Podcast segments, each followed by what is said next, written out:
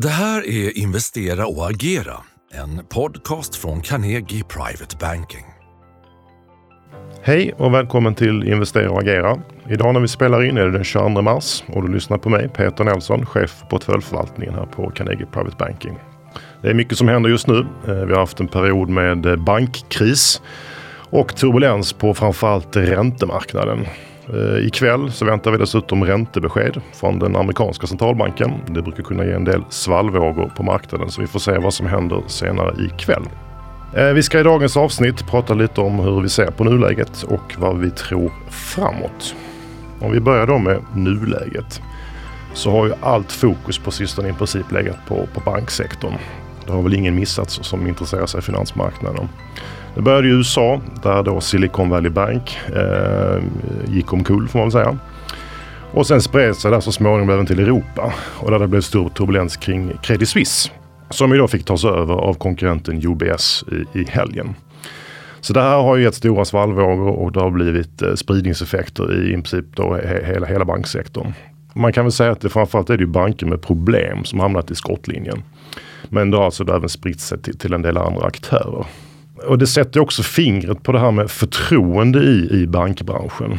Eh, en bank har svårt att fungera om inte kunderna har, har förtroende. Och när det, när det då börjar försvinna, ja då sprider sig den här oron snabbt. Vi tror också att det här, eh, hela den här, allt det som har hänt är ju en, en konsekvens. Eh, och det är det som är nytt egentligen, att vi har haft så, eh, så pass stigande räntor som vi har haft. Det blir en del svagheter som bubblar upp här och, och exponeras som, som inte man har, har sett tidigare. Och det här har ju då gjort att man liksom Många aktörer funderar på kan, kan det finnas fler? Vem är nästa man på tur här? Eh, någon som sitter med Svarte Petter. Just nu för stunden eh, kan vi väl ändå konstatera att oron har lagt sig lite grann efter helgens händelser. Den här veckan har varit betydligt lugnare. En viss återhämtning har man sett också på, på, på bland investerare. Och vi vill också betona att, att eh, finanssystemet som helhet är ju ändå betydligt starkare nu än vad det var om man jämför med finanskrisen när vi sist såg den här typen av, av händelseutveckling.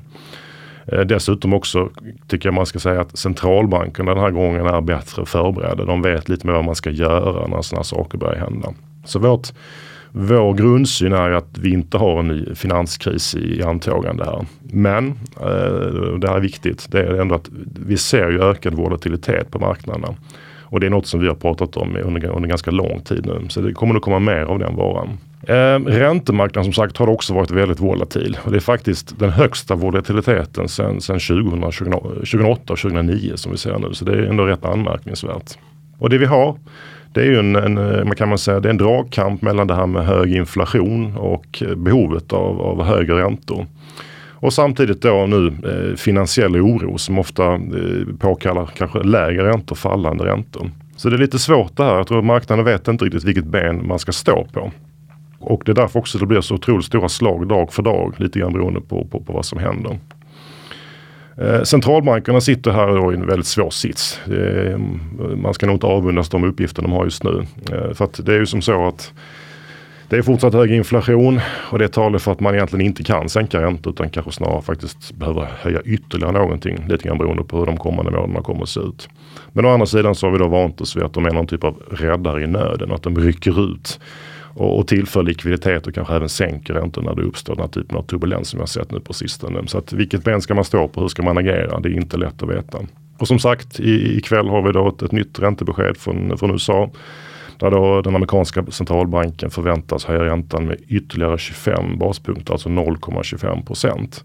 Men sen tror ju många att det ska börja ta lite stopp här och det har väl också förstärkts av den senaste tidens oro att man kanske då behöver börja ta det lite lugnare nu eh, för att vänta ut alla effekter. Att man behöver avvakta efter detta. Men som sagt, Förväntningarna de har ändrat sig lite grann dag för dag här på sistone. Så det är väldigt rörlig materia och det gäller inte bara den amerikanska centralbanken. Det gäller även de, de andra centralbankerna. Att, hur ska de agera i den här miljön?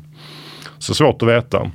Och grundproblemet ändå om vi tar ett steg tillbaka det är återigen det här med, med, med, med den höga inflationen som har tvingat upp räntorna och att inflationen nu inte på senare tid har kanske sjunkit tillbaks riktigt eh, i den takt som man hade tänkt sig.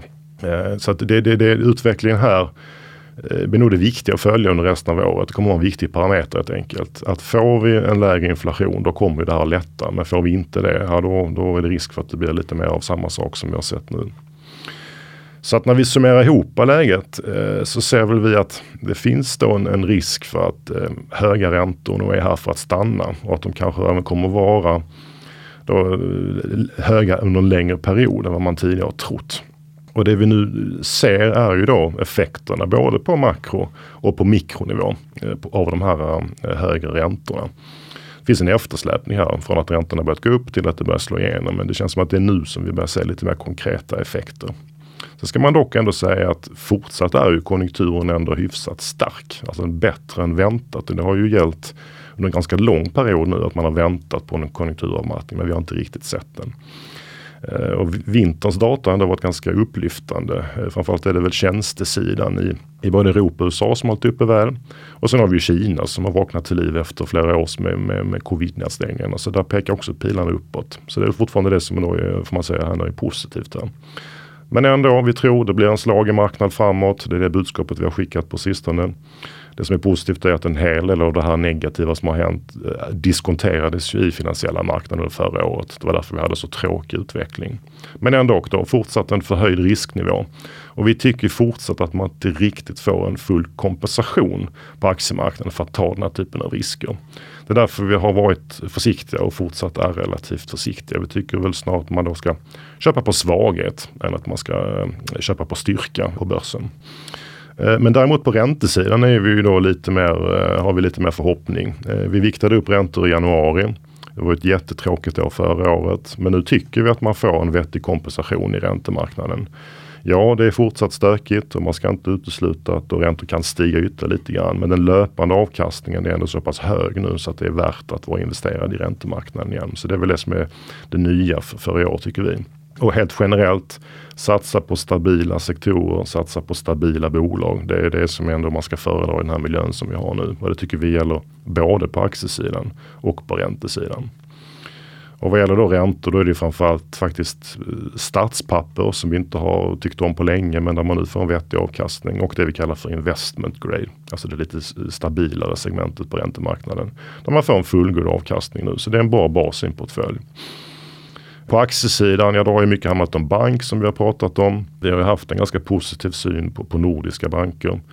Vi tycker att de, eh, de har förtjänat ett bättre öde. De har eh, bra vinster, ser ändå stabila ut och är hyfsat lågt värderade. Så vi tycker nog fortsatt att faktiskt bank är en vettig sektor att vara investerad i. Men det är klart man får vara, det har visat sig nu, man får vara beredd på högre volatilitet än vad man kanske tidigare har trott. Så det är ändå lite grann av ett, av ett köptillfälle i bank efter de här att de nordiska bankerna också fått ganska mycket stryk här de senaste veckorna. Men annars kvalitetsbolag, det är något som vi brukar prata om och det tror vi betalas extra väl i den här miljön. Där har vi också sett att det är många av de kvalitativa bolagen som har klarat sig bättre. Och med kvalitet, då menar vi bolag med, med bra lönsamhet, med starka balansräkningar och, och, och liksom stabila marginaler. Det är sånt som vi föredrar att ha i, i våra portföljer. Eh, och fastigheter, ja det är väl då den andra sidan av myntet eh, får man väl säga. att, att eh, där de drabbas ju av den här oron på, på kapitalmarknaden. De är väldigt beroende av upplåning, beroende på vad som händer eh, på lånemarknaden. Och där pekar ju inte pilarna åt rätt håll just nu. Så att även om fastighetsaktier har gått väldigt dåligt så tror vi att det är för, det är för tidigt att, att bli positivt i den här sektorn. Men värderingarna har kommit ner rätt mycket på de noterade fastighetsbolagen. Så att den dagen det börjar vända här kan det nog finnas ganska fina värden. Men vi tror att det är fortsatt är för tidigt. Och sen är det också energisektorn som jag vill slå ett slag för. Den tycker vi är intressant i den makromiljön som vi har. Ehm, där får man ju dock leta sig utanför Sveriges gränser då och titta mer globalt. Vi tycker både att eh, traditionell energi men även förnybar energi är intressant. Eh, det kommer behöva ske mycket i det här på det här området i den här sektorn de kommande åren och vi, vi är beroende av det. Så att mycket investeringar och nu har ju även värderingarna kommit ner lite grann på en del av de här bolagen. Så att det kan vara lite av ett köptillfälle där också och det är något som vi då överviktar i våra portföljer.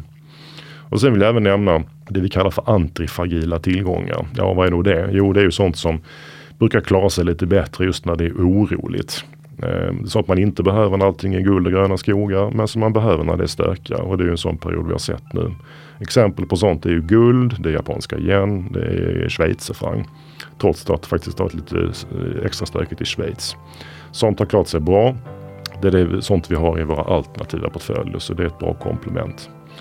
Och det leder mig också faktiskt in till den sista punkten, det är det här med diversifiering. Det är något som vi ofta tjatar om, alltså riskspridning. Kanske lite tråkigt då när det går bra, men akt det visar sig vara så viktigt när det, när det blir stökigt som det har varit nu. Det som man trodde var säkert kan ju visa sig inte vara så säkert utan vara osäkert. Det har vi sett här i banksektorn de, de senaste veckorna. Och det är ju grundbulten i, i princip allt vi gör inom portföljförvaltning, att ha en, en vettig riskspridning. Så att jag tycker att glöm inte bort det i den här miljön. Det är viktigt för en bra långsiktig avkastning i en portfölj. Eh, för mer konkreta råd, prata gärna med din eh, rådgivare på Carnegie. Tack för att du har lyssnat.